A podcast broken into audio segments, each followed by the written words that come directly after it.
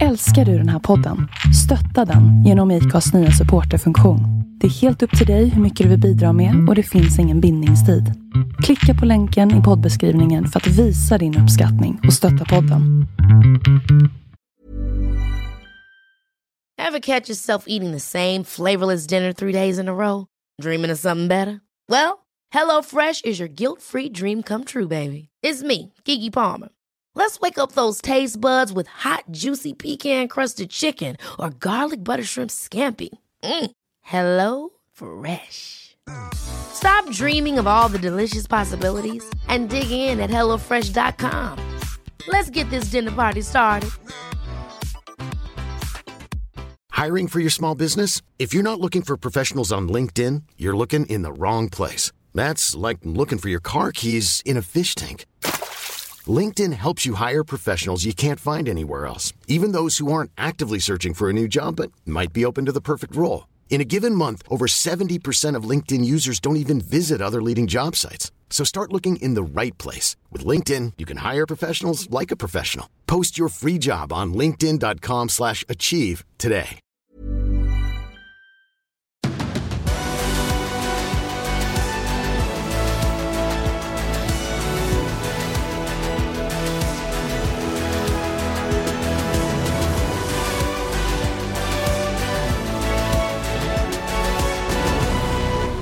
Varmt välkommen! Det är dags för eh, MotoGP-podd igen och eh, den här gången är det nummer 161 med mig Tobias Lajon och med Andreas Mårtensson. Och du Mårtensson, har, Ja. du hämtat, har du hämtat dig från eh, de senaste racehelgerna? Otroligt jämna lopp mellan Bagnaia och Bastianini. Två gånger i rad. Två gånger i rad. Mm. Omvänt resultat, men båda fick, eh, eller har tagit 45 poäng de två senaste racen. Det kan vi väl vara överens om. Ja, det kan vi vara överens om. Ja. Ja, det är kul att det är så tätt tycker jag. jag otroliga sista varv och otroliga uppgörelser de två emellan. Mm. Ehm, lite dåligt med poddande på senare veckor va? Ja, jag undrar om inte det var lite sån här... Har vi snackat om det förut i podd eller har vi pratat om det utanför? Racebakfylla har man ju hört talas om. Och det handlar inte om festligheter utan snarare, tror jag, så här, man är mättad på upplevelser. Ja, vi var on-site två race i rad och sen var det mycket att ta tag i hemma efter de där två veckorna. Det, det, så kan man sammanfatta det. det, var, det var inte mycket plustid man hade extra där, kom dagarna efter Misano i alla fall. Nej, Nej, men, eh, men- nu är det en ny podd och nu är det back-to-back. Nu är det till och med en, eh, en triple header som det så fint heter. Tre race på tre veckor. Ja, vilket upplägg också. Spanien, Japan och sen vidare till Thailand. Ja, nu är det, nu är det korta resor. flygkilometer, precis. Korta resor och tidsomställningar, allt möjligt. Ja, och eh, idag spelar vi in, det är tisdag kväll. Eh, och sett på diverse sociala medier att de flesta är på plats i Japan. Ja, De, har, de har kunnat att landa de här flygplanen även fast den här väderovädret, ovädret helt enkelt, har, eh, har väl gått över lite. Mm. och, Hoppas du, det. och du för ett par år sedan, då var även vi på väg dit. Hade kunnat bli så. Ja, det var något virus som kom i vägen. Mm, det var ju det.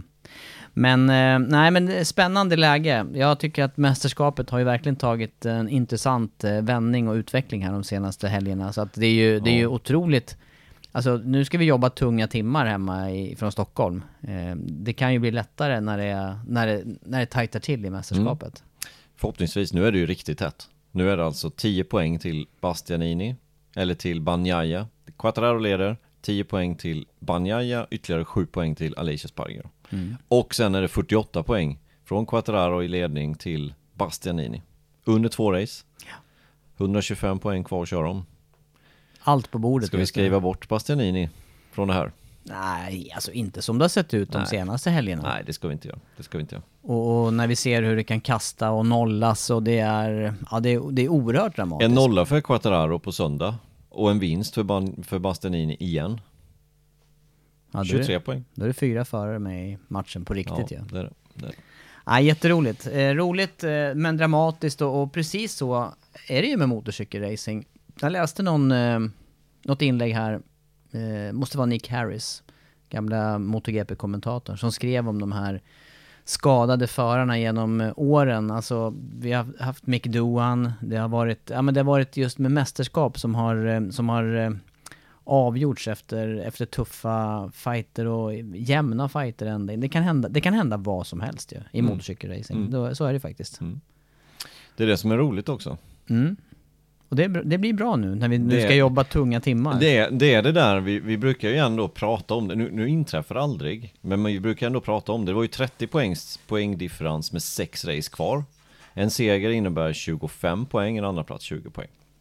Det vill säga att om Banjaya hade vunnit de här sex racen och Quattararo hade slutat tvåa i de här sex racen så hade han varit ledare av mästerskapet, eller vinnare då uppenbarligen efter sex race, eller efter allihop. Men det inträffar ju aldrig. För att det är så mycket annat som händer i den här sporten. Man blir inte etta, tvåa, tvåa, etta. Utan det händer grejer. Ja, ja, ja. Det, här, det här som just Banjaya uppvisar just nu, den här sviten med segrar och andra platser, den är ju, den är ju extremt ovanlig Ja, det. Den är det fyra segrar och andra plats. Mm. Och vad var det nu då? 42 tusendelar senast här. Mm. Från segern. Tight. Mm, mycket Tight. tight. In i en bra segment av säsongen. Mycket bra segment, så att eh, det, det blir spännande och vi ska vi har lite att sammanfatta och eh, samtidigt se fram emot eh, Motegi. Eh, och sammanfattningen då får vi gälla framförallt senaste racehelgen på Aragon. Eh, och eh, det här, det här högintressanta första varvet inte minst. Men innan dess, en kortis. Vi har ju också, vi ska inte glömma startnummer. Det är podd nummer 161, så vi ska väl, eh, vi ska väl beta av startnummer eh, Aragon-racet och sen blicka framåt mot Motegi. Mm. Du, eh, Jag du känner igen är, turordningen. skönt, skönt att, du, att det är någon som gör det. Vi håller dig som lyssnar lite på halster ytterligare då, kring, eh, kring Aragon. Kring Aragon. Ska vi börja med 61 då? Ja vi gör det, vi backar. Vi backar nu då. Jag har en som jag kom på. Jag har inte googlat, jag har inte gjort någonting. Jag har en 61 och den tar vi. För det Mm, är bra. Jan Unche. För jag, jag också, jag bara drar mitt, vad heter det, carte blanche Vet här. Jag vet det i kortet. Pass. Eh, Norsk-turken. Unche. Det Han blir- kör med nummer 61. Och det blir tydligt när vi träffar våra norska kollegor. De pratar ofta om de här Alltid. turkiska förarna. Ja, Alltid. det är klart att det finns en koppling där. Det är mycket Eh, Dennis Unche nu i och för sig då. precis. Tvillingbrorsan. Ja. Och de här, de, eh, de dök i alla fall upp på min radar under Red Bull Rookies-eran. De körde ju nämligen Red Bull Rookies Cup samma säsong och de fightades ju faktiskt om titeln båda två. Ja. Även om det sen blev, det blev en poängdifferens till slut som, den- var tydligt övervikt för, eh, för Chan Unche då. Ja men det var det. Och, och detta är ju inte jättemånga år tillbaka i tiden för de är ju väldigt unga fortfarande. De är ju födda 2003. Ehm, och eh, de är alltså tvillingbröder. Chan Unchu och Dennis Unchu. Chan Unchu, om vi börjar med honom då, han var ju den vassare utav dem i början av eh, deras karriär. Ehm, de körde 2017 så körde, körde de Red Bull Rookies Cup. Även 2018 då, då dubblade de och körde också eh, det spanska mästerskapet junior-VM. Men just den säsongen, 2018, då vann alltså eh, Chan Unchu, Red Bull Rookies Cup, Dennis Unchu blev två. Mm. Och det, det intressanta här, det var ju att då var det ju på riktigt en, en styrning i potten i, i Moto 3 efter. Ja. Visst var det så? Ja. Och, och den här styrningen, det, den, den minns jag ju tydligt, för det här är ju kanske en av höjdpunkterna i Chan Unchus karriär. Dels att ta titeln, men sen fick han ju chansen redan till Valencia samma år och hoppa Mm. in som eh, wildcard, eller vad kallar man det för då? då? Ja, nej men han var ju wildcard eh, och i och med att han hade vunnit Red Bull Rookies Cup så fick han ställa upp, annars hade han inte fått ställa upp på grund av ålders, eh, åldersbestämmelserna. Eh, han var för ung helt enkelt, men i och med att han hade vunnit redan, han hade säkrat titeln, eh, så fick han köra för Akiayos team i Valencia 2018. Du var på plats, jag var inte på plats. Jag satt hemma och kommenterade, du var på plats och kommenterade. Men han vann racet. Han gjorde det. Häftigt. Väldigt häftigt. Jättehäftigt. Ja. Första racet. Och så vinner man. Det, Mm. det är grymt. Och, och där någonstans så tro, trodde man ju, vad, vad ska det här bli av? Han fick ju en styrning i Akiayos team till 2019. Eh, körde hela säsongen, men eh, inga resultat överhuvudtaget. Han tog alltså åtta poäng på hela den säsongen. Eh, medan han då ett år tidigare hade tagit 25 på ett race. Han fick det inte alls att stämma helt enkelt. Eh, och, och sen efter det så var det ju färdigkört i GP-sammanhang. Sen tog han ju sitt pick och pack och drog till Superbike-VM med Sofoglu i managerroll. Precis som eh, hans bror Mm, Dennis Öntjö ja. och som Toprak till exempel Mm. då har Kenan Sofoglu och eh, nu är han alltså i Supersport-VM för Kawasaki. Precis som eh, Sofoglu var under många, många år. Eh, och där har han blivit kvar och eh, lite pallplatser förra året. Två tredjeplatser, en andra plats eh, och sen kör ju vidare i, i år också. Men du, den här utvecklingen, ju- det är ju verkligen, eh, om man nu ska säga någon, någon, någon liknelse här, upp som en sol och ner som en pannkaka på ett sätt. För att han, alltså målsättningen måste ju hela tiden varit eh, GP-klasser för, för honom. Ja, Eh, det borde det vara för de flesta. det borde vara för de flesta ja, som, som också har tagit sig dit och vunnit där. Men, men något som jag också har tänkt på under, under båda brödernas karriär, det är ju deras eh, skillnad i storlek här. Och, och frågan är om just det här med Moto 3, om det var rätt för Chan Önscher om han inte skulle lyckas bättre och ta sig tillbaka nu till mästerskapet och möjligtvis en Moto 2-styrning Mm. istället. Ja, det tror jag också. Det tror jag hade varit en, en bra grej för, eh, för Chan Önsjö. Ehm, sen vet man ju inte de här tre säsongerna i Supersports-VM hur det kan ha påverkat både hans mentalitet och hur hans eh, förmåga att köra en GP-cykel har förändrats. Det kan ha förändrats. Tittar vi på Dennis Önsjö så börjar ju han nu verkligen få sitt genombrott i GP. Han, han har varit lite av en slow starter hittills. Kört lite yvigt och på en bestraffning, blivit avstängd två race. Med rätta skulle jag säga efter det som hände i Austin. Ehm, men nu börjar han ju ta steg för steg och är med på ett mycket bättre sätt än vad han var innan. För då var han någon gång då och då och sen kraschade han bort sig. Nu är han med där uppe. Träningar, kval, race. Och kör städat.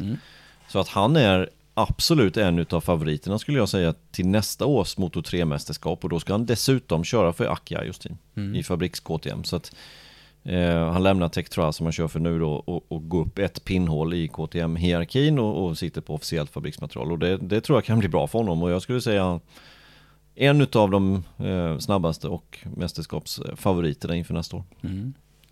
Ja, intressant där med, med utvecklingen där, bröderna emellan som sagt då. Och eh, förhoppningsvis då, Chan om han har den ambitionen och viljan att ta sig tillbaka, att han lyckas hitta någon konkurrenskraftig styrning. Men då är det ju igen möjligtvis det här som vi har sett med, med Dennis Önsjö. Man kanske inte kan räkna med att han slår igenom direkt på en och, en och samma Nej. säsong igen. Nej, vi får nog ta det en liten stund. Nu är han å andra sidan van med lite mer motoreffekt då med Supersport 600. Det är, det är ju likvärdigt med Moto 2. Även fast det skiljer mycket annat de två klasserna emellan så är det ju inte Moto 3 som ligger närmast mot Supersport 600. Nej. Ja, Chan Önsjö, vi får, eh, vi får hoppas för hans del att eh, karriären tar ny fart om man nu har den eh, önskan att komma in och tillbaka till, till GP-sammanhang. Annars så får vi följa Dennis Önsjös Seger vidare. i sitt första race i GP-sammanhang. Hur många förare är det tror? Ja, det hör ju inte till vanligheten. Och dessutom som du sa där, åldersinkvoterad med, med låg ålder. Mm. Minns du det var för Quartararo som fick vänta en full säsong efter Mm. han hade vunnit spanska mästerskapen? Så han, var tvungen, han vann det två år i rad. Ja, han var ju tvungen att vinna det två Ja år i rad. exakt, han var ju Han fick 14 inte- första gången eller vad man Ja, var, inte 15 gå nästa gång. Och kom knappt vidare ens efter andra. Nej. Nej, intressant. Ja, Men du, ska vi kasta oss tillbaka, ska vi kasta oss in nu till, eh, till eh, Aragon? Det, det var ju en, eh, återigen ett extremt jämnt race och det, det, var kanske ändå, det, det var kanske ändå något annat som, som fastnade på näthinnan och som har hängt kvar eh, medialt här efteråt och det var ju första varvet, inledningen. ja. Eh, ska, vi, eh, ska vi börja med att att lyssna på hur det lät i söndags i våran sändning? Eh, ja, från start helt enkelt så får ni följa med något varv eh, och så analyserar vi efteråt. Väntar på grön flagg längst bak. Ska lamporna tändas. När de sedan släcks släpps fältet iväg på 23 varv. Står still länge här. Ja, Nakagami är sent fram. Sänker sin Honda. Redo nu för start. Håll ögonen nu in i kurva 1. Fältet iväg när lamporna släcks. En jämn start från första led. Quartararo på insidan. Rins gör en bra start från tredje led. Törs inte fullt ut utmana Quartararo där. Även Marquez har gjort en riktigt bra start förbi Quattararo. Uppe på sjätte plats, Marquez. Så har vi en KTM högt upp också. Det är Brad Binder före Marquez. Men så blir det trångt och det är Quattararo. Ja, Quartararo gör en riktig, riktig krasch här och eh, slår dessutom i backen hårt. mellan kurva 7 och 8. Var det kontakt där med Marquez möjligtvis? Aleix Sparger och låg på utsidan. Det blev trångt där. Ja, det var ett ovanligt ställe att se en krasch på. Quartararo omkull och vad skönt att se att han i alla fall eh, kryper ihop. Och vi ser det kontakt igen! Och då är Nakagami, och han kommer ju kana rakt in i det här. Och det är Paul Espargaro som så när håller på att åka omkull. Jag undrar om han inte får lov att rödflagga det här. Vad händer här nu?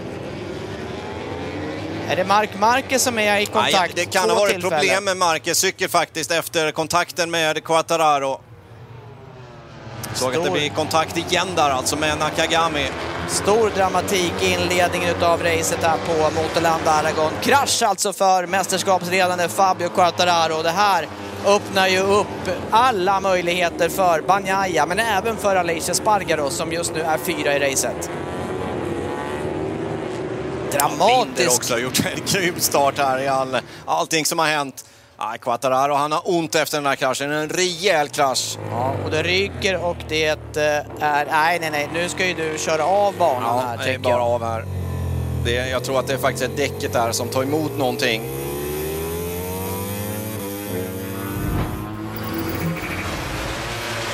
Vi ska följa här Quattararo. Det är Marquez på utsidan.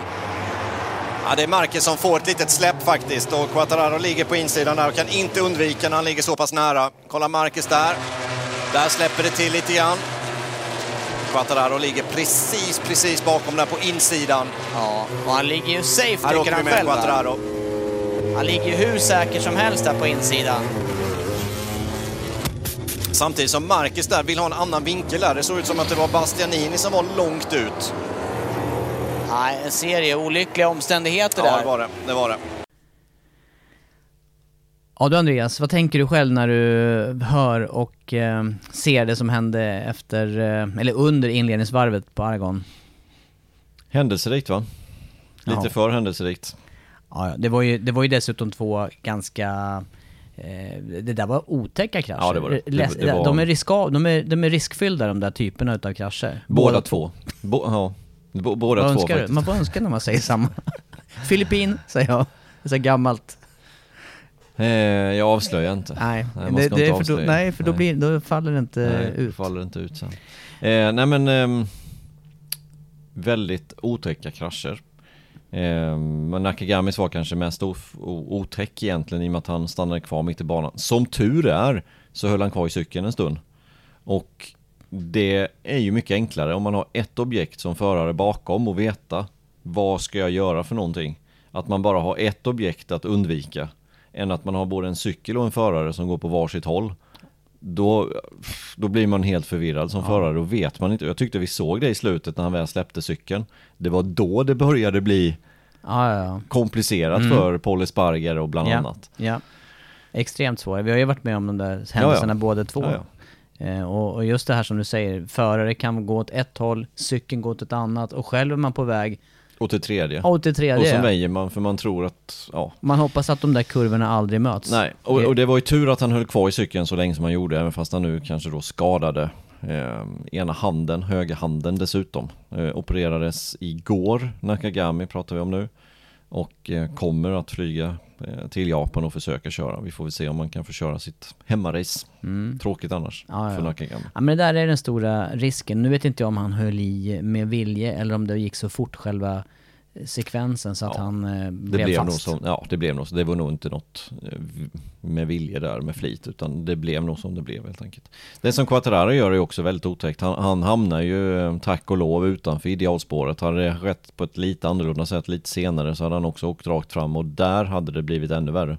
Ja. Så tur i oturen där att han åker åt sidan. Och det här var ju så tidigt i racet också. Jag märkte det nu när vi lyssnade igen här, att jag var lite snabb i, eh, i eh, kommenteringen där var vi var på banan. Det var ju faktiskt bara ut ur kurva tre det där skedde. Ja, Eh, ja. Och då är ju fältet extremt samlat, vilket vi också såg här på Ja. eller och hörde.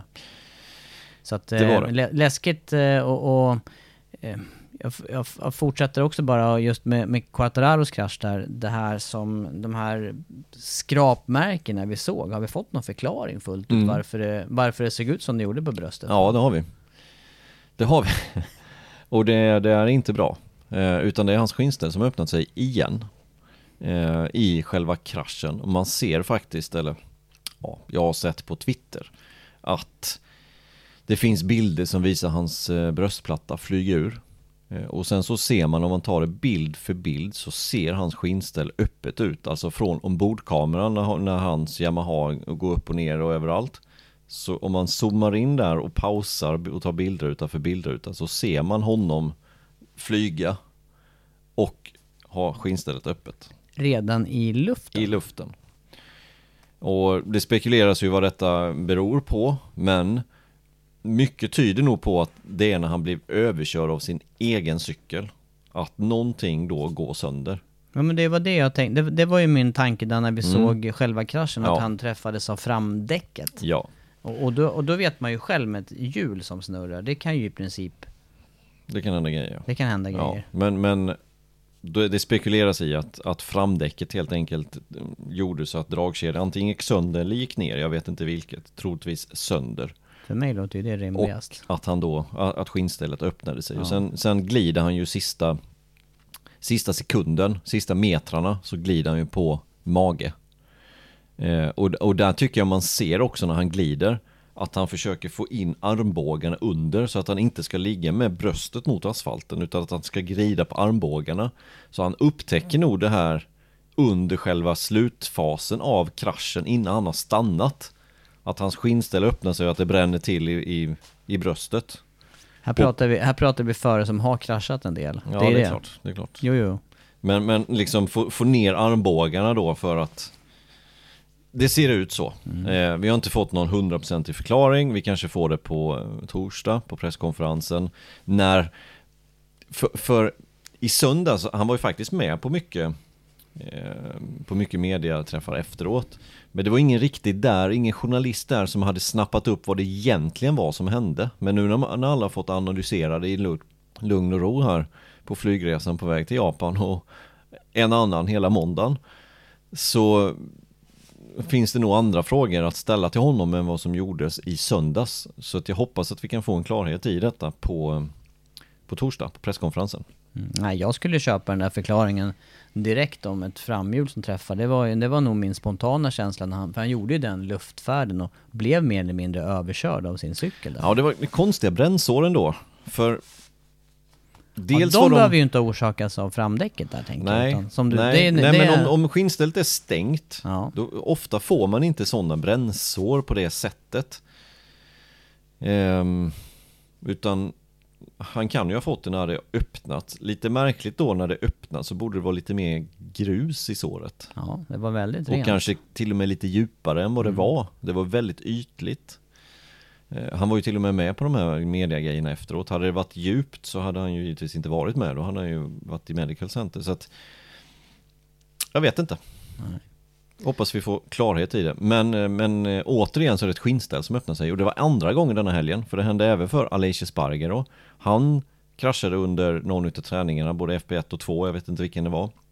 Utav träningarna som hans skinnställ öppnade sig. Men återigen, och, och då sa han att han inte hade knäppt ordentligt. Att det var anledningen. Eh, vi såg det i, eh, i Österrike tidigare i år. Jorge Martin när han kraschade. Öppet skinnställ när han kraschade. Han kör med samma märke som eh, Quattararo, det vill säga Alpine Stars. Ehm, det här är någonting de behöver se över. En annan sak man kan spekulera i det här, det är ju ökad eh, luftmängd och ökad eh, airbag-systemen här. Som jag, Exakt det, så. det blir ju min tanke, att man liksom också smäller, smäller på Håller hårdare. det. På grund av, precis, är Mm. skinnstället lite för tight. Någonting måste ju ge med sig när Ja. en luftkudde kommer. Ja. Ehm, det kanske kan påverka. Det, det, det kräver utredning det här, för ett skinnställ som öppnar sig på det här sättet, inte bra alls. Nej. Det, det måste de komma underfund med varför och fixa det. Nej, man vill, ju inte ha, man vill ju inte ha gliper någonstans när det handlar om... Nej, och inte bröstet. Det, Nej, nej. Liksom, Nej. det här, här kunde ju slutat riktigt, riktigt illa för Quattararo. Ehm, och sen även hans visir som flyger av. Det har vi sett några gånger nu på hjälmar. Det hände för Nakagami när han körde huvudet rätt in i Banyayas bakdäck på, på, Det var på. Barcelona. Det var extremfallet, ja då hade han ju flyt där. Nu lossnade Quattararos um, visir igen här. Och det är Han- inte första gången på Quattararos hjälmar som det händer. Och eh, jag såg faktiskt rykten idag redan att han har signat för ett annat hjälmmärke till nästkommande säsong. Kör Han inte ju han samma... Scorpion idag. Ja, just det.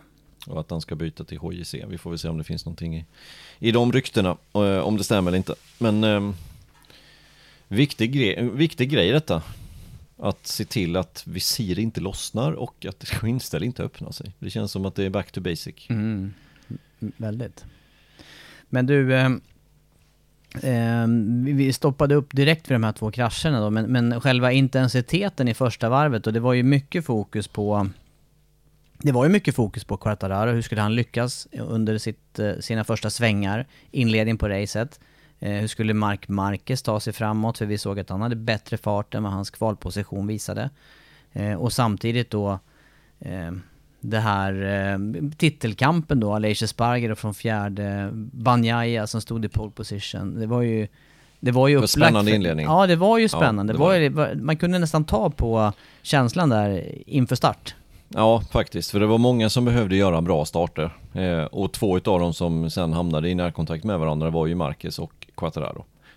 Quattararo var ju inför, eller rättare sagt efter kvalet och inför racet redan på lördagen så sa han jag måste ge 100% första varven. Först starten och, och sen första varven. För det är då hans race kommer avgöras. Och eh, så var det nog också. Han behövde göra en bra start och han gjorde en han gjorde ingen klockren start, Quattararo. Men han gjorde heller ingen dålig start. Han kom iväg bra. Han tog Sarko i sitt led. Eh, problemet för hans del var ju att Binder gjorde en klockren start ifrån tionde startruta. Och Marquez gjorde en jättebra start också från trettonde startruta, det vill säga rakt bakom Binder. Och de körde ju ytterrökare båda två i första kurvan. De åkte ju i princip i samma lucka, Det gjorde de. kändes det det, gjorde som. de. de körde ytterrökare i första kurvan och sen fick de ju in i kurvan då i kurva två och där låg ju, där låg ju Quattararo lite fast i och med att han hade startspår längst till vänster från P6. Så tog han ju innespåret i första kurvan och sen så blev det ju att han blev rundad egentligen ut ur kurva 1 och in i kurva 2. Och då hade han ingenstans att ta vägen. Eller, eller Nej, han, var kunde tvungen inte- att släppa. Han ja. var tvungen att släppa Marcus helt enkelt. Så att, så att Marcus låg ju på en, en sjätte plats eh, när vi gick in sen i kurva 3 och det var ju där det hände egentligen. Och, och om, vi, om vi tar det som det hände, ni har ju ni har hört vi, hur vi kommenterade och, och det som hände det är ju, till att börja med det som händer är ju att Alicia Sparger då är väldigt aggressiv in i kurva 3. Och tar sig förbi Samtidigt, om vi, om vi backar ett steg. För det första är Miller en ganska dålig ingång i kurva 3. Samtidigt som eh, Alicia Sparger då är väldigt aggressiv på Bastianini in i kurva 3. Och tar Bastianini på insidan, men kommer då, i och med att Miller har gjort en lite för dålig kurva 3, så kommer, så kommer Sparger då lite för nära Miller. Vilket gör att han får egentligen, istället för att hålla sin naturliga spår, så får han drifta ut lite. Och på utsidan om sig så har han Bastianini. Så han trycker liksom ut Bastianini ut på kurpsen. Detta gör i sin tur att den som är femma i det här racet än så länge då efter tre svängar, det är Binder. Binder som kan ta både Spargaro och Bastianini som ligger långt till vänster ute på kurpsen och kör. Samt Miller som får en dålig passage genom kurva 3. Så, så Binder går ju upp på en andra plats där efter Banjaya. Han gör ju en klockren kurva 3 där. Han, så, han går från tionde till andra där Ja. på tre svängar. Ja, det är precis vad han gör. Ja. Och vad har då med detta med Marcus att göra? Jo, för Marcus ligger ju bakom Alicia Spargaro och eh, Bastianini och Binder då som ligger mer till höger. Eh, men när Aliche Sparger då trycker Bastianini ut utanför banan så vill ju Marquez som har kommit in i kurva 3 lite för snabbt egentligen och har ett lite annorlunda spår, han missar lite i kurva 3. Han, han är någon meter ifrån Apex på insidan. När de två går åt vänster, då vill ju Marquez spring, få en bättre utgång och gå lite mer höger. För då vet ju han att då kan han lägga in innanför, in i kurva 4 och sen in i kurva 5 som då nyper åt ordentligt. Kurva 4 är den här snabbvänstern. Och det han försöker göra då det är ju helt enkelt att knycka till cykeln så att den ska styra lite mer åt höger. Samtidigt som man vill få en bra utgång givetvis och få med sig farten. För då vet han ju att då har han chans att ta två förare in i kurva 5 sen. Eh, och det som händer då är ju att däcket är inte uppe riktigt i temperatur och han får ett litet släpp. Och det är ett ganska minimalt släpp som man får. Ja, han hamnar ju liksom inte, varken, han tappar ju knappt linje eller... Nej, och det, det är inte riktigt nära en krasch heller. Utan det, det, släpper till, men det han måste göra det är att släppa gasen. Eh, och Quattararo då som är superaggressiv, har gjort en hyfsad start men ändå förlorat två positioner. En till Binder, en till Marcus. Han har tagit en, men han, har en, han, har, han är sjua i det här läget. Har ju precis samma plan som Marcus har. Det vill säga ligga tight på insidan i kurva 3. När Marcus går lite brett där i kurva 3 så vill han ta en ännu tajtare linje och där ligger han på insidan och samtidigt som Marcus då vill svänga lite höger och få det här släppet då finns det ingenstans för Quattararo att ta vägen. För hans plan är ju givetvis att ta Marcus sen in i kurva 5. Det är ju det, det han planerar. För att han får ju också en väldigt bra passage genom kurva 3, eller in i kurva 3 och genom kurva 3. Men när Marcus får det där lilla släppet, då är han alldeles för nära. Då är det en och kan åter, inte reagera. återvändsgränd. Ja, det är en återvändsgränd där. Han, han, kan inte göra någonting. Det finns ingenting för Quattararo att göra i det läget. Och en sån här typ av kurva, alltså som man tar i 160, 170, 180 km i timmen. Det är nästan det sämsta sättet att ligga väldigt, väldigt nära någon. För att du ligger på bra moment, som Marcus där ligger med, med, med en ganska Han har, han har ja, man har mycket vridmoment just i det här läget. Och stänger han då gasen, då tar det rätt stopp. Det, det, liksom, det bromsar ju inte in, men, men det är nästan den känslan man får i den farten. Hade det varit i en långsam sväng detta hade hänt, då hade det också blivit lite mer dragspelseffekt i det hela. Då hade inte Quattararo kunnat ligga så himla nära. För då hade Marcus lagt på gas och så hade han försvunnit ett par meter innan Quattararo kan lägga på gas. Men i det här läget när det går så pass fort, så när Marcus tar i gasen och måste släppa gasen, det går inte. Det går inte att undvika. Eh, kontakten är ett faktum och, och han eh, drar på öronen där väldigt hårt. Mm. Så Och egentligen är det ju då, som, som, som eh, du beskriver det här nu då, så blir det ju en lång eh, kedjereaktion. Ja, ja, det börjar redan, det börjar redan med att Miller missar lite. Samtidigt som Malaysia Sparger då är superaggressiv på Bastianini in i kurva 3. Redan där börjar det. Och det är ju en helt naturlig reaktion från alla förare här i det här läget att man Ja. försöker ta varenda millimeter eller passera det som går. För de första svängarna I- är de som är Ja, ja. lättast. ja, alltså i det här finns det ingenting som avviker mot hur... Hade detta skett på en gång till så hade det skett på precis samma sätt. Det är ingenting som avviker. Det som avviker, det minsta, det är att han får det här lilla släppet. Men, men det är helt naturligt i och med att det är första varvet. Och, och liksom det, det kan hända, kan hända alla. Eh, men då, då blir det den här dramatiken där och redan där blir man ju, i och med att det är Quartararo som, som drar omkull så, så blir det ju så här Wow, nu händer det mycket direkt här. För det här, man, man inser ju direkt att det här kommer ju påverka mästerskapet Mm. hur mycket som helst och öppna upp för andra då. Eh, och sen kommer nästa incident där som vi egentligen inte eh, nämnde annat än just risken för Nakagami här. Men vad är det som orsakar den sammanstötningen? Ja men det är, det är ju från sammanstötningen med Quartararo när han kör in hela sin framkåpa emellan däcket och kutsen på Marcus cykel. När han kör in där så fastnade skräp där, kåpdelar. Eh, och vi såg ju det sen när vi fick se repriserna lite senare efter tredje varvet eller något liknande i slutet på rakan när Marcus skulle ta sig in i depån att det flög bort en bit. Och det var ju hans nummerplatta. Man, man, om man tar den bildruta för bildruta så ser man ju att det står en tvåa, en, jag vet inte om en nollan fick med, men man ser ju hans nummer. Det är alltså den som, som sitter fast inne i hans cykel. Ehm, Och hojarna har ju fått problem för mindre grejer än så menar jag. Det jag tänker Ja. på den här tear-offen och ja, alla men såna exakt. grejer som Här har... får man en hel kolfiberbit liksom, och det var ju inte bara den, det Hey, it's Danny Pellegrino from Everything Iconic. Ready to upgrade your style game without blowing your budget? Check out Quince. They've got all the good stuff shirts and polos, activewear, and fine leather goods, all at 50 to 80% less than other high end brands. And the best part? They're all about safe, ethical, and responsible manufacturing. Get that luxury vibe without the luxury price tag. Hit up quince.com slash upgrade for free shipping and 365 day returns on your next order. That's quince.com slash upgrade. I'm Sandra, and I'm just the professional your small business was looking for. But you didn't hire me because you didn't use LinkedIn jobs. LinkedIn has professionals you can't find anywhere else, including those who aren't actively looking for a new job but might be open to the perfect role, like me. In a given month, over 70% of LinkedIn users don't visit other leading job sites. So if you're not looking on LinkedIn, you'll miss out on great candidates like Sandra. Start hiring professionals like a professional. Post your free job on linkedin.com/achieve today.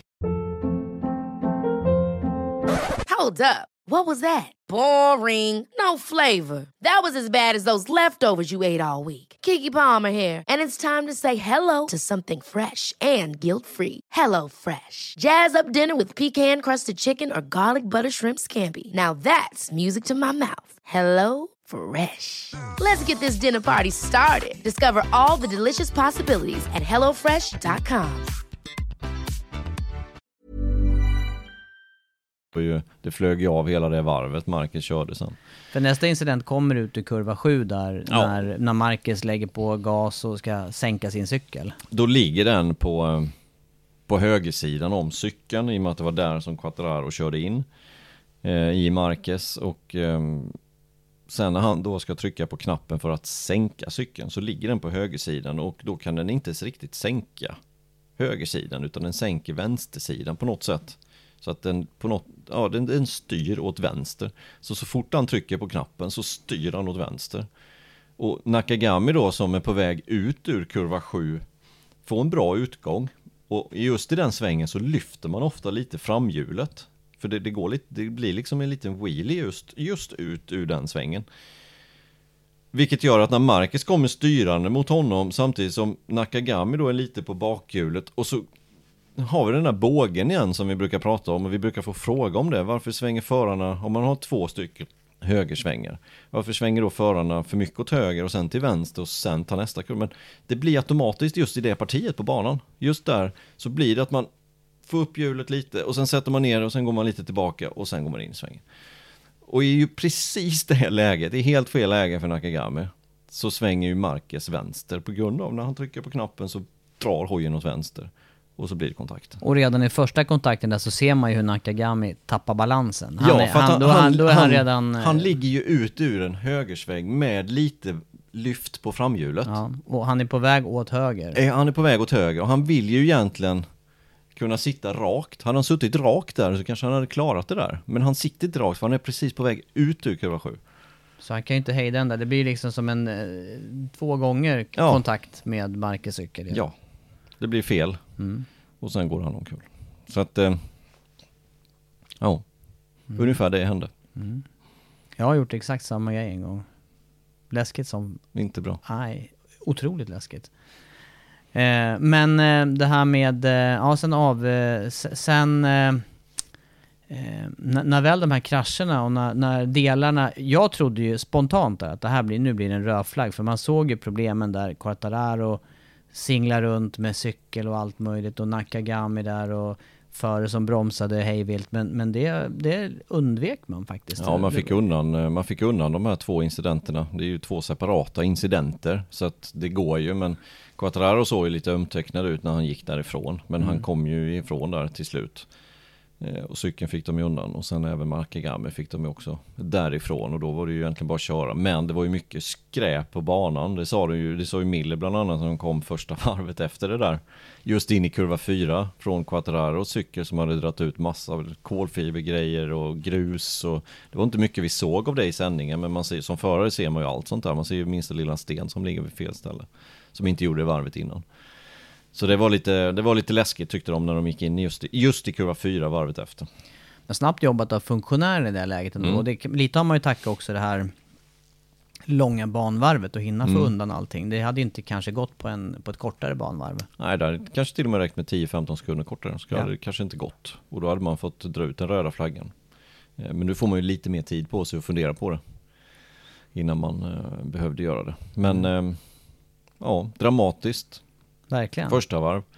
Och ehm, alla är, är överens om att den första incidenten är en race-incident. Det är inget snack om det. Det är andra också. det- Sarko är väl den enda egentligen som har öppet i alla fall varit lite kritiskt mot Marcus där. Att han tyckte väl att Marcus skulle känt det här. För han, Marcus sa ju det också efter racet att han kände att någonting var fel. Detta skedde alltså ut i kurva 3 in i kurva 4. Ut ur kurva 5 så sa Marcus själv att han kände att någonting var ja, något, något problem helt enkelt. Men han visste inte vad det var för någonting, fortsatte.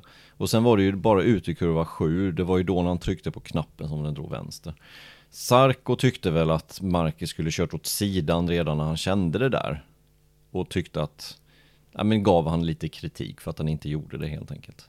Eh, de flesta andra är överens om att det hade nog de inte heller gjort i den situationen. Man kör nog så länge det känns Ja. som att det... Så länge det känns så att det inte är något så att hjulet håller på att trilla av eller att svingen är sned på riktigt, Nej, nej. Då, kör man. Ja. Och sen just när han trycker på knappen, det är ju svårt för honom att veta att det är en kåpdel som gör att det ska svänga vänster. Det är ju inte överdrivet lätt att veta. Nej, jag vet inte faktiskt. Eh, Det kanske du tänkte på någonting. Hur uppfattade ens Mark Marquez eh, den här, eh, den här, att det blev en sån stor krasch bakom honom där? I första läget? Nej, det är nej men han, jo, jo, jo, han, han kände ju givetvis... eh, Jo men smällen, men jag menar Ja, ja. att det blev, att det blev sen hur stort och hur mycket, det är man ju inte Nej, helt, det är man inte helt klar över i, i, i det Det skedet. vet man ju inte, men han, han visste ju att Quattraro hade gått omkull i det läget. Och det är klart att går man omkull i det läget i 160-170 blås så är det klart att man förstår att det är en, en hård krasch liksom. Så att han, har ju, han sa ju precis det vi har egentligen har sagt också, att precis det som hände. Eh, han fick ett litet släpp, Quattraro låg precis, precis nära. Och mm, kan inte undvika helt enkelt att, att köra på honom.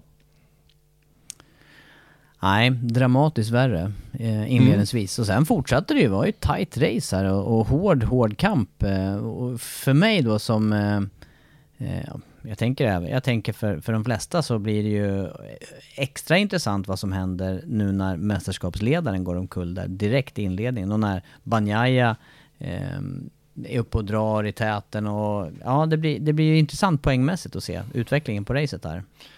Det blir det. Eh, intressant är ju att Bastianini går förbi Banjaya och man tror att nu kommer rycket. Och han försökte, men det räckte inte. Utan han gjorde ett misstag nere i kurva 12. Banjaya kunde ta tillbaka. Eh, och då fick han en liten lucka samtidigt på 8-9 tiondelar. Samtidigt som Bastianini nog insåg att i det läget, nu måste jag ta det lite piano för att annars kommer jag överhetta mitt framdäck här. Så han tog det lite lugnt och sen så bidrar han sin tid där bakom. Och sen när det var ett varv kvar så högg han. Supersnyggt. Ja, det gjorde han. Jag Riktigt, trodde inte han eh, skulle komma tillbaka efter den där bromsmissen där som du nämnde, kurva Nej. 12. Att det skulle räcka igen och ta ikapp och gå förbi på ett snyggt sätt. För att någonstans tror jag att han också tänker att det här är min, fram, det är min nuvarande och min framtida arbetsgivare ännu tydligare. Ja, och vet du, jag tror inte han tänker så. Jag tror inte det. Inte efter det här. Inte efter de två senaste racen, tror jag inte det. För ehm, han skulle bara vinna det här racet. Ehm, och nu är han 48 poäng bakom. Det är inte jättemånga poäng. Nej, han, är ju, han är ju definitivt inte avhängd som, som vi säger. Nej, han är inte avhängd. Så ja, jag tror faktiskt inte det, utan jag tror att eh, han gick för seger. Eh, det var så. Och med, med tanke på hur han gjorde det. Jag tycker vi har sett det här nu några gånger på Banjaya. Banjaya är supersnabb, han har fyra segrar och andra plats. Senaste andra platsen alltså med, vad var det, 42 000 delar. Nu är jag här på Ja, Aragon. Ja, något sånt där. Ja, och först, segern för tre veckor sedan, då Ja. var ju 34 eller någonting. Ja, men han, har- han har fyra raka segrar inför det här, nu har han andra plats då med de här ynka tusendels. Han har ju kört grymt bra. Men det var som vi också sa i helgen här, att två utav de här gångerna, då har han haft marginalerna på sin sida. Att oförmågan av de som har jagat honom har gynnat honom. Och, och då tänkte vi på Silverstone, där egentligen Vinales skulle vunnit det där för han var snabbare. Men gjorde sin attack helt fel och sen gjorde han massa misstag. Eh, och sen senast på Misano, där Bastianini skulle vunnit det där racet. För han sätter alltså snabbaste varvet på sista varvet med ett misstag som kostar minst tre tiondelar i kurva 4. Ja, det är ungefär som att man skulle slå en andra serve i tennis och Ja. det blir världens hårdaste serve. Ja, ungefär så. Plötsligt. Ja. Ja. Ehm, men där på något sätt så lyckades Banjaya hålla ifrån att tappa segern. Men det gjorde han inte nu för tredje gången, för nu var Bastianini snabbare. Och jag vill säga att Bastianini var ganska rejält mycket snabbare än vad Banjaya var, när man tittar på hela racet igenom. Hade, det, hade han fått en lucka där, hade han inte gjort det där misstaget när han var förbi första gången, då hade inte Banjaya haft någonting att svara med. Och speciellt inte de sista fem varven.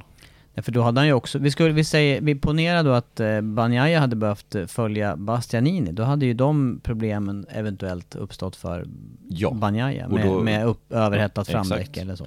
Och, eh, och då tror jag inte han hade följt med Bastianini. Då Nej. tror jag att differensen hade blivit flera sekunder till slut. Ja, I det Ehm. skedet, första skedet såg det ut så faktiskt. Så Bastianini hade marginal i det här racet. Han var klart snabbare, även fast det blev de här tusendelarna så var han snabbare i det här racet. Men är inte det här fascinerande också då? Hur Bastianini gör det på fjolårs Ducatin och hur han lyckas hålla liv i däcken och jag menar de har ju ändå, det är ändå Ducati, det är ändå samma familj. De har ju ändå tillgång till varandras Mm. data. Det kan inte, det kan inte, det, det kan inte Bastianini, Gresini-teamet tror jag inte kan hålla några data hemliga för fabriksteamet i det här läget. nej, det kan de inte. Det kan de inte. Nej, det är jätteimponerande. Superimponerande. Ehm, Bastianini sa ju själv efter racet att han har likvärdigt material, att det skiljer inte speciellt mycket mot vad Banjaya kör med. Jättesvårt för oss att avgöra givetvis hur nära eh, det ska vara en fjolårshoj på något sätt. Har den fått uppdateringar så att den är mer lik? Ja, kanske. Vad vet vi? Det är svårt att se med blotta ögat. Ja. Eh, Men det är klart att det är, någonting kan ha skett med hans cykel. Men, men och, och vad som är skillnaden, det är ju det som också är svårt. Det, det pratade vi om när vi pratade Martin eller Bastianini. 22 kontra 21 hoj. Svårt att veta då hur man ska jämföra. Ehm, nu blev det Bastianini och sen när han fick reda på det så har han ju verkligen inte svikit de som trodde på honom. Utan han har ju tvärtom presterat mer än väl. Ja, ja. Han har ju presterat så bra så att de vet inte riktigt hur de ska reagera Nej. hos Ducati. Och det tyckte jag vi såg efter racet. Ja. När eh, Ciabatti och... Tardozzi var det framförallt, framförallt som inte riktigt visste Ja. hur han skulle... Nej. Och sen så kom eh, Dalinja där och bara, men nu, nu grabbar, nu kramas Ja. vi allihopa och firar. Japp. Hade Men, man eh, gjort någon emoji på det där, då hade det Ja. blivit någon sån här krulligt, eh, krulligt uttryck på, på mungiporna. Nej, det är inte helt såklart, är det inte. Nej, det är det är inte helt såklart om de skulle fira eller inte, men de vann ju trots allt märkesmästerskap. Ja, men det är ju det också som är, ligger i potten här för dem, ett förarmästerskap också. Jag Mm. menar, det, det skulle ju i, det skulle ju också kunna gå helt snett här nu, att, inte, att de missar att de, det ja, igen. att de missar det, ja. Ja. ja. ja. De tar poäng av varandra. Mm. Det är det som är risken med åtta hojar på, på griden, att de tar poäng av varandra ju. Och missar de förarmästerskapet, då är det inte bra. Nej. Det är inte bra.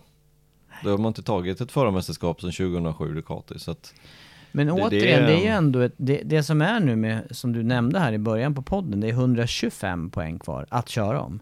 Så att jag menar, det är ju samtidigt tidigt att ge de här tydliga direktiven att du ska göra så och du ska göra så, när vi ser vad som kan hända. För jag menar, backar man av det minsta på fel tillfälle eller gör något misstag, då är det det vi ser som, som vid söndags här. Mm. För, för, Ja, ja, och det är ju inte omöjligt att, att ehm, nästa race så är det Banjaya och, och eh. Quattararo som går ihop. ja, ja, så kan det Och, vara. och sen helt plötsligt så vinner Bastianini och så närmar man sig ännu mer och sen är Banjaya skadad och då skulle de kanske haft de här extra poängen i Misano till Bastianini istället. För att kunna slå Quattararo i slutändan. Så man Precis. vet ju inte, det är det som är, det var ju det vi inledde på det med, det är därför det är roligt med motorcykelracing, för man vet inte. Nej. Man vet inte förrän det är färdigt. Men, ja, ehm, fascinerande fight i alla fall på banan, de två emellan. Och snyggt och, och prydlig omkörning utav Bastianini. Den sista där som han gjorde, som var, den var ju in i kurva 7, säger jag rätt? ja, eller? ja, Det var ju hur... den var klockren. Det Det var- var, ja. en blockpass som var, fanns ypperligt. inget. Fanns in, var, var ju inte ens, och det var inte nära att vara kontakt och det var Nej. inga så här konstigheter med... Nej. Inte Det att Bastianini höll på, han höll ju inte på att gå omkull, inga konstigheter. det var bara för Banjaya att ge sig. Varsågod, här har du plac- placeringen. Mm. Det var inte mer än så. Det var inte mer än så. Men jag tycker det, är, det, det börjar bli lite kyligt med de här två. Det är grattis i eh, Park för mer, men det är inte mycket mer än så. Och det här ska bli, eh, det, det ska bli väldigt spännande att följa. För när vi var i Italien här för några veckor sedan, och hörde hur snacket gick lite i depån om just det här valet som de precis då hade gjort för Bastianini. Istället för Martin, italienare kontra spanjor. Två olika management mellan Banjaya och Bastianini. Bastianini som har Pernat, eh, för detta manager för eh, Capirossi till exempel. Biaggi. Biaggi. Medans eh, Banjaya då tillhör VR46-akademin. Eh, och de var inte nöjda. VR46 är inte nöjda med att ha Bastianini. Bastianini. I samma team. Två italienare. Eh, de hade hellre sett att det var Martin som kommer från något helt annat och inte konkurrerar på det sättet. Eh, och, och det var som några i depån sa, att det, det är nästan så att Ducati vill ha intriger mellan de här två italienarna. Det gick inte så bra mellan Dovi och Janone när det var två italienare för några år sedan. Sen var det Petrucci och Dovi. Då såg det på ytan ut att vara bra. Tills Petrucci vann ett race på Mugello. Sen var det lite frostigt där. Nu är det två italienare igen alltså.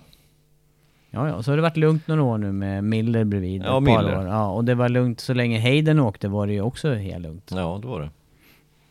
Ja, nej, oklart. Så, ehm, ja, intressant snack om det där i alla fall. Att, ehm, att det är lite kritiska röster redan nu, Mm. ska vi komma ihåg. Ja. Det, det är ju rätt tidigt än, om inte ens teamkompis än. Men då, om vi ska ge oss vidare i, i, eh, i snacket här Andreas. Eh, vi, har ju, vi har ju den här punkten med plus och minus. Nu har vi ju Ja. behandlat Ducati i stor utsträckning. Eh, nog, nog måste Ducati nu när man säkrar konstruktörsmästerskapet, när man slutar eh, ett och tvåa i racet, eh, måste hamna på ett plus. Mm. Det är klart. Ja, ja. Det var skönt. Och etta, tvåa för andra racet i rad. Så att det är klart att de hamnar på ett stort plus. Den fungerar på väldigt många olika ställen den där Ducati nu. Det är inget snack om den saken och jag tycker den ser i sist, jag tycker sista partiet på den här banan, den här långa vänstersvängen. Där kan man se mycket hur hojarna beter sig. Ehm, och, och Ducatin ser ganska stabil ut där nu. Mycket stabilare ut än vad vi har sett tidigare säsonger. Och det ser ut som att, ehm, ja, det har, du har ju kört mycket varv på den här banan, men just en sån här lång svepande sväng där man ska både bromsa sent eh, och sen med mycket känsla ändå i slutändan, sluttampen på bromsningen och, så samtidigt rulla på gas där under max nedlägg. Ibland behöver man tajta till spåret. Ja. Det verkar som att, som, som du är inne på, det verkar som att Ducatin Att det fungerar bra. ja, Mm. funkar i alla de situationer som kan uppstå där. Ja. Också få med sig bra fart ut på start och målrakan. Ja. Eh, Ducati då på plussidan, eh, vad säger du sen då? För att eh, vi hade, du nämnde där inledningsvis eh, Binders inledning. Eh, han, eh, han gör ju en eh, extremt stark start och det räcker nästan till pallplats till slut också. Sluta Mm. fyra. Han tappade det sista varvet mot Alicia Sparger som är något starkare. Men han gör ju ett klockrent race och återigen så bevisar de ju att KTM är bra när det är lågt grepp. Låg greppnivå, då funkar KTM jättebra. Och det det såg vi, Binder prestera, vi såg Oliveira också var med hyfsat bra. Mm, På träningen åtminstone, racet var det väl Han, hyfsat. han var uppe ett tag och tappade väl ner till elfte till slut. Ja. Men eh, Binder gör det här super super bra, var nära att han tog en pallplats. Väldigt nära.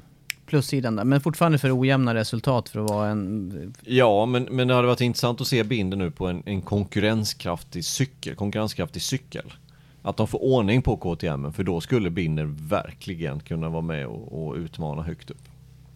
Vi har ju sett honom prestera på undermåligt material även i Moto 2. Tänker på det här Ja. KTM-chassit som... Inte var bra i början. Nej. Och han eh, överkörde väl mer eller mindre det chassit tills Ja. de fick ordning på det. Mm, Och då var han vinnare. snabb.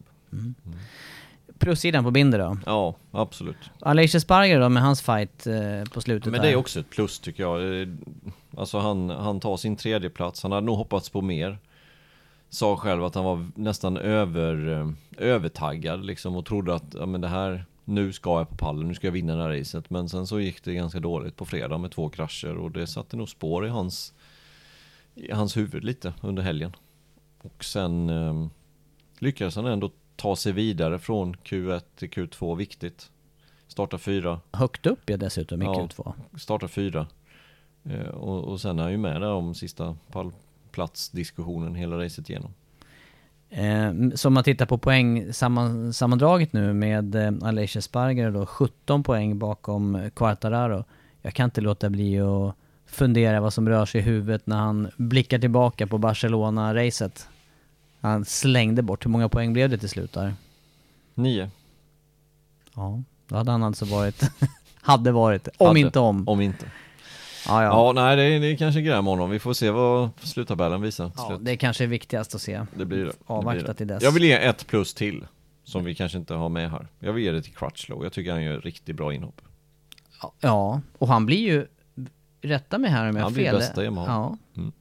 När, när, när Quartararo går på öronen, och han var ju också bästa Yamaha under helgen. För är inte bästa, är bästa icke Quartararo Yamaha. Ja. men han var ju vassare än vad både eh, Binder och vad eh, Morbidelli var framförallt. Ja, Morbidelli hade ju en bedrövlig helg. Bedrövlig helg. 17 plats. Och de startade alltså, Crutchlow startade 19, Morbidelli 20, Binder, Darren Binder 23. Mm. Så att Crutchlow var alltså bästa Yamaha bakom Quartararo på kvalet och Ja. bästa Yamaha över mållinjen. Ja. Det är anmärkningsvärt med tanke på, Ja, det det. med tanke på hans senaste år här, rullat tummarna och kört något testvarv här och där. Det är inte samma sak. Nej. Nej, det är, Morbidelli måste verkligen, eh, han måste ta sig i kragen här. Det, det här funkar inte, helt enkelt. Nej, jag undrar hur långt tålamod de har. Jag är lite förvånad över att de faktiskt har haft det här långa. Ja, men nu när Crutchlow kom in också och sopar banan med honom, det, det, är, inte, det är inte bra. Ja, Det, Det är absolut inte bra för Nej. honom. Och det här är ju en bana som, eh, vad konstaterar vi? Var det två år sedan som eh, Morbidelli vann racet? ja. Dessutom. Dessutom. Mm. Ja, det, det är absolut. Crutchlow värd ett plus här. Men på minussidan då? Eh, det har vi redan varit inne på tänker jag. Morbidelli här. Ja, Eh, det, mm, han, Det får måste det bli. ta, han får ta sig i kragen. Mm. Eh, jämfört med Aleix Espargaro så är ju också Vinales en förare som underpresterar resultatmässigt här. hade mer att ge. Ja, vi såg det här under träningarna och var lite frustrerad. Och Mm. De missar, miss i kommunikationen. Vad var det som hände egentligen? Nej, jag vet inte exakt vad som hände men, men eh, miss någonstans eh, och hade inte riktigt farten. Hade farten i fredagen, toppade den men, men sen var det, det var stopp lite när det väl skulle presteras varvtider på kvalet och på FP3. Togs inte vidare, startade P16.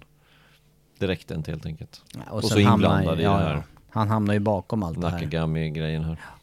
Tappar mycket tid på det. Han får ta nya tag helt Ja, enkelt. det får han. Han har, hade det här, det här eh, pallplatser definitivt, men den här första segern är ju inte, den är inte långt bort. Nej, För- nej, nej. för- Rätt helg så kommer det ju. Ja. Mm. Eh, har du något mer minus, förutom dem? Kan vi släppa det kanske? Tror det. Du, då får vi ta och blicka framåt. Då har vi ett eh, race här om ett par dagar. Det är nästan dags att gå och lägga sig så man hamnar i rätt tidszon snart. Även om, eh, även om racehelgen i Japan inleds på ett lite annorlunda sätt. Vad är det som gäller först för tidsmässigt där så att vi eh, klargör det? Ja men tidsmässigt så har man ju strukit morgonträningen på fredag och, och det gjorde man ju för ett gäng månader sedan när man insåg att eh, Aragon ligger ju faktiskt veckan före. Kom man på sådär, Kom mitt man uppe på. i allt. Eh, att, eh, och sen kommer man väl på det när man var i Argentina att det här med frakter fram och tillbaka runt om i världen det kan ju innebära problem. Så det man beslutade sig för var att ta bort morgonträningen och istället skjuta på friträning nummer ett och lägga den på eftermiddagen, lokal tid. Eh, och svensk tid så kommer vi alltså dra igång 5 i 8. 07.55 på fredag. Och då blir det bara en träning under fredag. Och den är lite längre. Den är lite längre. Den är 75 minuter lång. Så den, den börjar alltså 5 över 8 och den slutar 9 och 20, 20 över 9 då. Eh, så 75 minuters träning istället för 45, så det är ju en halvtimme extra. Så det är ganska mycket. Eh, det är så man har valt, en träning bara, både motor 2, motor 3, motor 2 och MotoGP alltså på, på fredag. Men sen är det som vanligt resten av helgen. Mm. Eh, lokala tider helt enkelt. Eh, och det innebär ju att vi drar igång på lördag morgon. Då drar vi igång 03.40. Tidig morgon. Eh, för eh, friträning nummer två som den då heter. Och sen så eh, drar vi igång friträning nummer tre som då är den vanliga friträning nummer fyra då. Eh, den drar vi igång med 07.20. Och sen är det kval efter det. Mm. Så Ja, men kvalet tidiga. Q2 helt enkelt, det startar ju då 08.25. Och du, jag är intresserad över när är själva MotoGP-racet på söndag morgon? På söndag morgon, då är det tidigt. Nej, det är inte så tidigt. Men, eh, men MotoGP-racet, uppsnack 07.25. Ja, det är någon, några som behöver ställa klockan. Det beror på vilken ålder man Mm. befinner sig i. Om man är inte har uppnått eh, den här åldern när man måste gå upp ändå på morgonen, fast man inte har ställt någon klocka. Då, då får man ställa klockan för att hänga med där. Är man under 30, Ja, ja, då, ställer behöver man ställa klockan. Ja, då ställer man klockan. Är man mellan 30 och 40, då har man småbarn, så då är man vaken ändå. Då, precis. Och sen kanske mellan 40 och 60. Då finns det andra anledningar till att gå upp i det läget. Ja, Men eh, de och över här... 60 så är man vaken. precis. Den här yngsta kategorin, de kanske inte ens har gått och lagt sig. Så kan det vara. Så kan det vara mellan 20 och 30 där ja. Faktiskt. Just det. Tänkte inte Kan man ta det där på, som sista, Hemvägen. på hemvägen, ja precis. Med en vurre. Japp, vurre i ena handen. Och numera kan man ju ha en egen skärm. Det var ju annat när man själv var i den åldern. Då var man ju tvungen att jaga rätt på någon som möjligtvis hade en eh, parabol. Minns du den där? Tiden? Kabel-tv. Kabel-tv, exakt. För att få syn på de här varven. Men, eh, ja, men det, det blir eh, första helgen där utav eh, fyra på Asien-turnén. Eh, och Asien och Australien. Asien och Australien. Ja, exakt. Ehm, ja, men så är det. Men du- 07.25. Jag ser fram emot helgens race. Ja, det gör jag med. Motegi är det som gäller. Och det är också under förutsättning, vi touchade vid det här inledningsvis, att vädret är på rätt sida. Jag har varit med på tillställningar just på Motegi där det plötsligt varken har gått att se framåt eller bakåt när dimman har legat tät och regnet har stått som spön i backen. Det är inte Ja. omöjligt att det blir så här heller. Nej men det har ju varit ett väldans oväder eh, helgen som gick och i början på veckan. Det ser bättre ut eh, just tyfonmässigt än vad det har sett ut. Eh, så att förhoppningsvis så kan racet genomföras. Men väderprognosen, den ser inte munter ut. Det ser ut att bli väldigt blött på fredag. Ännu lite blötare på lördag. Och det kan bli väldigt, väldigt blött där i Japan. Det har vi sett många gånger. Som det ser ut just nu så är det uppehåll på söndag men eh, fortfarande risk för regn. Men hyfsade temperaturer ändå, runt, runt 20, 25, 26 till och med. 20, 25, 26 under fredag, lördag, söndag. Ehm, så hyfsat varmt ändå men ser ut att bli en del regnkörning. Men, men det som har hänt här i mästerskapet, då är det ju helt öppet konstaterar vi i toppen. Vi har eh, ett, eh, en möjlig full regnhelg. Också Eh, massa variabler att slänga in här med, med allt ifrån krascher till känsla för, för cykeln i regn som är något helt annat än på torrt. Och sen då eh, dessutom tänker jag på med... Eh, eh ja, jag hade ytterligare en sak. Jo, det som vi faktiskt har eh, lämnat hyfsat bakom oss nu, en pandemi. Eh, det här gör ju också att en stor del av startfältet faktiskt inte har varit på plats här med, med MotoGP-cyklar. Nej, det, det har inte varit något race där sedan 2019. Eh, Det var första säsongen i MotoGP för Bagnaia och Quattararo. Eh, Och Quattararo gjorde ju bra resultat redan första gången han var där. Han slutade ju på en andra plats med Petronas Yamaha. Så att det där var riktigt imponerande som han gjorde där. Marcus vann det racet. Trea blev Dovi. Mm, det tror jag var Dovi. Marcus eh, Quattararo Dovi, med andra ord, förra gången vi var där. Ehm, men, men det innebär ju kanske lite svårigheter för vissa andra. Och vi var inne och touchade på det lite under sändningen också att om man får gissa, bara slänga upp bollarna och bara se vilka man fångar. Så, så kanske man kan komma fram till att Yamahan har det kanske bästa och enklaste paketet som funkar på de flesta ställena ganska omedelbart. Medan Ducatin är lite mer nischad. Att det kräver sin tid att komma upp i fart, men när den väl är uppe i fart så är den väldigt bra. Och lite så fungerar ju Banjaya också. Att det tar en stund, han presterar oftast inte på första träningen och inte på andra. Och gör han det, ja men då är han med på racet också. Men ibland kan det ta sin lilla tid för Banjaya att komma upp i fart. Och nu kommer vi alltså till en bana där Ducatin såg helt annorlunda ut 2019. Det var en helt annan motorcykel. Det, det är säkert inte en skruv som passar mot dagens hoj. Medan Yamahans koncept är ungefär lika som det var 2019. Det är lite olika chassin givetvis och så vidare. Men cykelmässigt så är det more or less the same. Medans ducken är alltså en helt annan hoj. Så att vad nu det betyder. Mm. Det skulle kunna innebära en fördel för Yamaha och Quattararo och framförallt om det blir lite mindre torrkörning och det blir torrt på racet. Exakt det här väderscenario som du målar upp här nu om det, om det skulle bli så. Ja. Eh, och slänger vi dessutom in Aprilien då som ändå är med i eh, titelkampen här främst med Aleix Spargaro. Där har vi två väldigt erfarna förare i sadeln. Aleix Spargaro och Maverick Vinales. Båda varit på plats och kört MotoGP många gånger och på olika fabrikat. Eh, cykeln däremot är ju också som du är inne på med Ducaterna helt ny för säsongen. Eh, och vi såg ju nu hur eh, den här senaste helgen hur eh, Vinales gick lite vilse fartmässigt trots att han var där faktiskt och körde förra året på cykeln också. Mm. Ja men exakt. Så det kan också bli svårt. Honda lika så. Helt ny Honda. Till denna säsongen. Ja. Mm. Ja, det, det, det känns ju som en, eh, en väldigt öppen fortsättning. Snudd på att man... eh, Snudd på känslan inför, som inför säsongspremiären. Vi vet inte vad som väntar nu Nej. de här kommande en, två, tre, Nej, men- fyra racehelgerna. Nej exakt. Nej men inför helgen nu så känns det fördel Quattararo. Men det vi ska komma ihåg med Motegi är att det är den värsta start och stoppbanan som finns på hela kalendern. Och det är där man använder de här 355 mm bromsskivorna och har varit obligatoriskt att använda de största som finns egentligen. Det är just på Motegi. Superhårda inbromsningen innan sista partiet på banan där.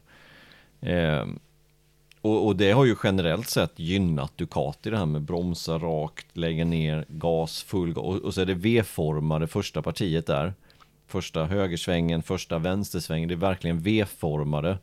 Passar Ducatin som en smäck.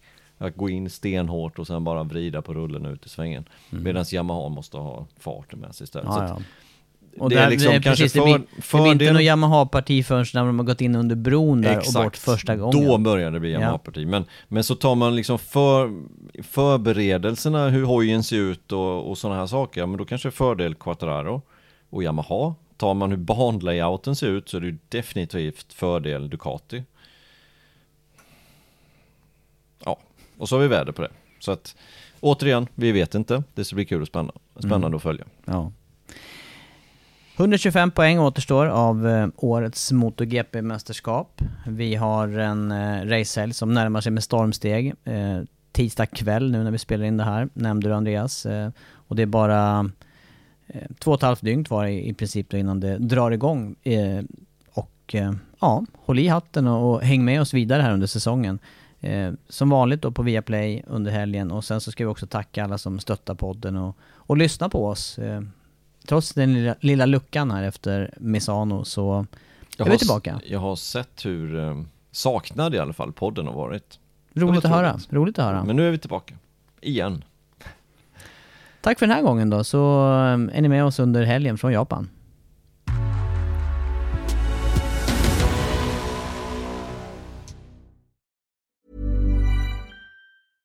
Ever catch yourself eating the same flavorless dinner three days in a row? Dreaming of something better? Well, HelloFresh is your guilt-free dream come true, baby. It's me, Kiki Palmer. Let's wake up those taste buds with hot, juicy pecan-crusted chicken or garlic butter shrimp scampi. Mm. Hello Fresh. Stop dreaming of all the delicious possibilities and dig in at HelloFresh.com. Let's get this dinner party started.